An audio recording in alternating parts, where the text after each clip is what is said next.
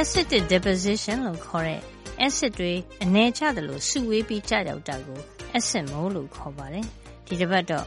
ဒီ acid မိုးရဲ့သဘောတဘာဝနဲ့ပတ်သက်ပြီးတဘာဝဝန်းကျင် engineer ဒေါ်အေးကြီးကပြောပြပေးမှာပါ။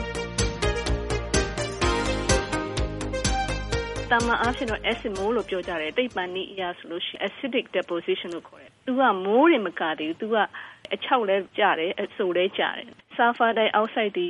နိုက်ထရိုဂျင်အောက်ဆိုက်တွေလေတူထဲကိုရောက်သွားမယ်ရောက်သွားပြီးအိမ်မှာရေရှိတယ်အောက်ဆီဂျင်ရှိတယ်နောက်အောက်ဆီဂျင်ကိုတုံးပြီးတော့တပ်ပြုလို့ရတဲ့အရာတွေလေတူထဲမှာရှိတယ်အဲ့ဒါတွေနဲ့ပေါင်းပြီးလို့ရှိရင်များပြတဲ့ acid ပါတဲ့ drug ပေါင်းတွေဖြစ်လာတယ်တချို့ကကဘာမီပေါ်ကို6တွေ့တဲ့အတွင်းပြင်ပုံသဏ္ဍာန်အဖြစ်ပြန်ကျလာတယ်တချို့ကဆိုးစစ်တဲ့ပုံသဏ္ဍာန်အဖြစ်ကျလာတယ်6တွေ့တဲ့ပုံသဏ္ဍာန်နဲ့ကျလာတယ်ဆိုတာဘာလဲဆိုရင်တောင်းဝိအနေနဲ့အမှုံအနေနဲ့ကျလာတာ ဆိုဆွတဲ့အနေနဲ့ဆိုတာကြတော့နော်မိုးအနေနဲ့ကြမယ်စီးနှင်းအနေနဲ့ကြမယ်မြူအနေနဲ့ကြမယ်မြူတွေမှိုင်းတာဒါမျိုးလည်းဖြစ်နိုင်တယ်။ acid မိုးနဲ့တဘာဝမိုးရေဘာကွာခြားပါသလဲ။တဘာဝအတိုင်းတာတဲ့မိုးဆိုတာအညစ်အကြေးတွေမပါဘဲနဲ့ကြလာတဲ့မိုးရေများသောအားဖြင့် pH က9.6ရှိတယ် pH ဆိုတာဒီအရေးတစ်ခုမှာ hydrogen ion တွေပါနိုင်တဲ့အတိုင်းအစာဘယ်လောက်ရှိတယ်လဲဆိုတိုင်းနဲ့အတိုင်းအတာသတ်မှတ်ချက်ဖြစ်တယ် pH စကေးကတစ်ကနေ14အထိရှိတယ်အလဲမှာဂျားနေဖြစ်တဲ့ pH က9အဲ့တော့ pH က9ထက်နည်းလို့ရှိရင်သူက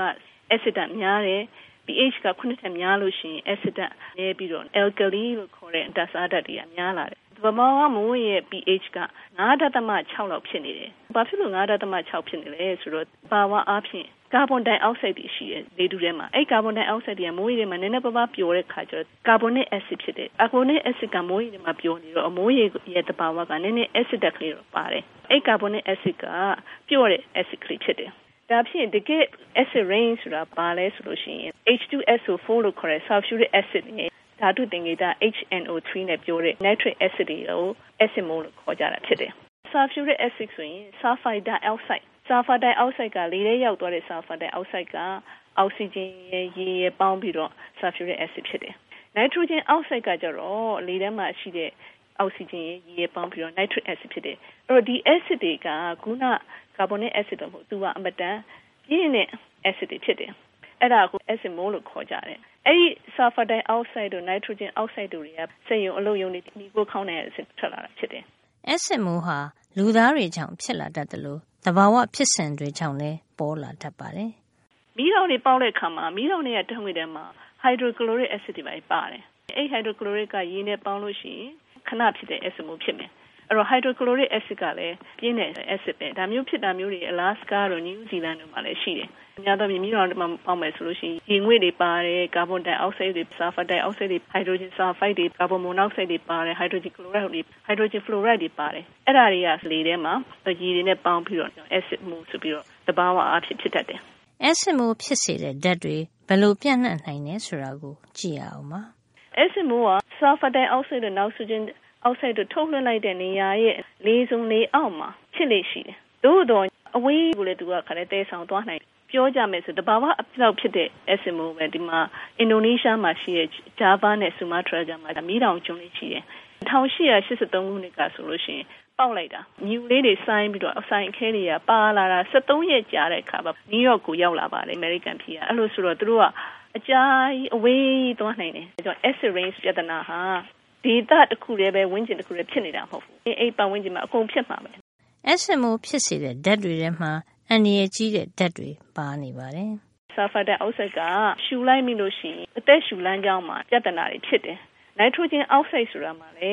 နိုက်ထရစ်အောက်ဆိုက်နဲ့နော်နိုက်ထရိုဂျင်ဒိုင်အောက်ဆိုက်ရှိတယ်။နောက်နိုက်ထရက်အက်ဆစ်နိုက်ထရစ်အက်ဆစ်တွေရှိတယ်။ ဘာနိုက်ထရိုဂျင်ဒိုင်အောက်ဆိုက်ဆိုလို့ရှိရင်တကယ်လို့ပေါ့ရှူတာများသွားမယ်ဆိုရင်ပန်းနိုင်ရင်ချက်လို့ရှိရင်သူကပန်းနိုင်ရင်ချက်တွေအရန်ထလာမယ်။ရိုးတနန်းလူစီလေးပြုံလန်းကြောင်းမှာရောင်းလာတာတွေဖြစ်မယ်။နိုက်ထရိုဂျင်ဒိုင်အောက်ဆိုက်ကိုချိန်တိုတိုတင်းမှာပါဝင်တဲ့နှုံးများများကိုရှူလိုက်မိမယ်ဆိုလို့ရှိရင်အသက်ရှူနဲ့ပတ်သက်ပြီးပေးအပ်နေကြရမှုတွေဖြစ်တယ်။အဲ့တော့ဒီဓာတ်ငွေတွေလေထဲရောက်သွားတဲ့ခါမှာရေနဲ့ပေါင်းပြီးလို့ရှိရင်အငွေတွေဖြစ်မယ်နော်။နောက်ပြီးတော့အရည်တွေဖြစ်မယ်။အဲ့တော့သူကပြန်ကျလာမယ်၆အနေနဲ့ကျမယ်အဆူအနေနဲ့ကျမယ်။ မြေပြင်မှာရှိနေတဲ့တက်ရှိတက်မဲ့တွေအပေါ်မှာ acid မိုးရဲ့ဩဇာတက်ရောက်မှုဟာ အဓိက အချက်နှစ်ချက်ပေါ် မူတည်နေပါတယ်။ပထမ မြေသားတွေရဲ့ ပေါင်းဆက်ဖွဲ့စည်းပုံက ဘယ်လိုရှိတယ်လဲဆိုတော့ပေါ်လေတီးတယ် နောက်တစ်ခုက အဲ့မြေသားမှာ အောက်ခံကြောက်သားတွေ ဘာရှိတယ်လဲဆိုတာပေါ့လေသိတယ် ဥပမာ အောက်ခံကြောက်သားက ထုံးကြောက်ဖြစ်လို့ရှိရင် calcium carbonate နဲ့ ဖွဲ့စည်းထားတယ် သူက base လို့ခေါ်တဲ့ alkali ဓာတ်စားဓာတ်တွေရှိတဲ့ကြောင့်မလို့ acid မိုးရဲ့ဓာတ်ကိုပြန်ပြီးတော့ပြေသွားအောင်တော့ဓာတ်ပြုတ်နိုင်တယ် acid မိုးဓာတ်ကိုအထိခိုက်ကိုတက်တောင်ကြားရခံပေးနိုင်တဲ့စွမ်းရှိတယ်ထုံးကြောက်တို့စကြင်ကြောက်တဲ့လုပ်တဲ့ရုပ်ထုတွေက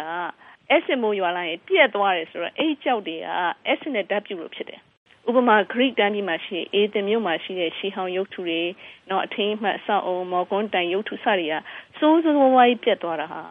ဆာဖိုက်တာအက်ဆိုက်နဲ့တကွာသူကတဆင့်ဖြစ်လာတဲ့ညဉ့်ညမ်းနေတဲ့အရာတွေကြောင့်ဖြစ်တာတကယ်လို့ SMO က granite တို့ quartz တို့ဆိုရင်တော့ granite ကနှမ်းဖန်ချောက်ပေါ့ quartz ကတလင်းချောက်ပေါ့နော်အဲ့ဒီချောက်တွေရှိတဲ့မြေကြီးကသူက acid ကိုဖြေတိုင်းတဲ့ base တက်ပေါ့နော် alkali ဓာတ်နေတဲ့နေတဲ့အခါကျတော့ SMO ကြာသွားတဲ့အခါမှာ မြေကြီးကယိုရင်းပျက်စီးပြီးတော့မြေကြီးထဲမှာရှိတဲ့အဖိုဓာတ်ရှိတဲ့အာယွန်တွေဖြစ်တဲ့ potassium တို့ calcium တို့ magnesium ဓာတ်တွေကထွက်လာတယ်ဓာတ်တွေကတကယ်တကယ်က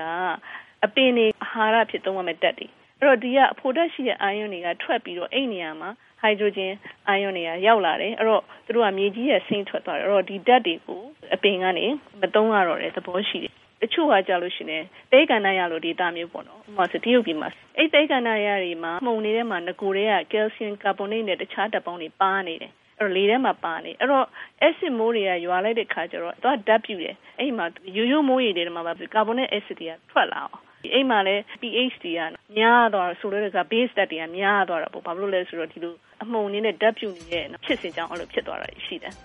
တဘာဝဝင်းချင်အင်ဂျင်နီယာဒေါ်အေးကြည်ပါနောက်တစ်ပတ်မှာတော့ ရေပြင်ပေါ်မှာအက်ဆစ်မိုးဩဇာတက်ရောက်မှုကိုပြောပြပေးပါမယ်ဆိုတာကိုတင်ပြရင်းဒီသတင်းပတ်အတွက်သိပ္ပံနဲ့ဤပညာကဏ္ဍကိုဒီမှာပဲရန်နာလိုက်ပါရစေနောက်တစ်ပတ်မှာပြန်ပြီးဆုံကြအောင်မယ်နော်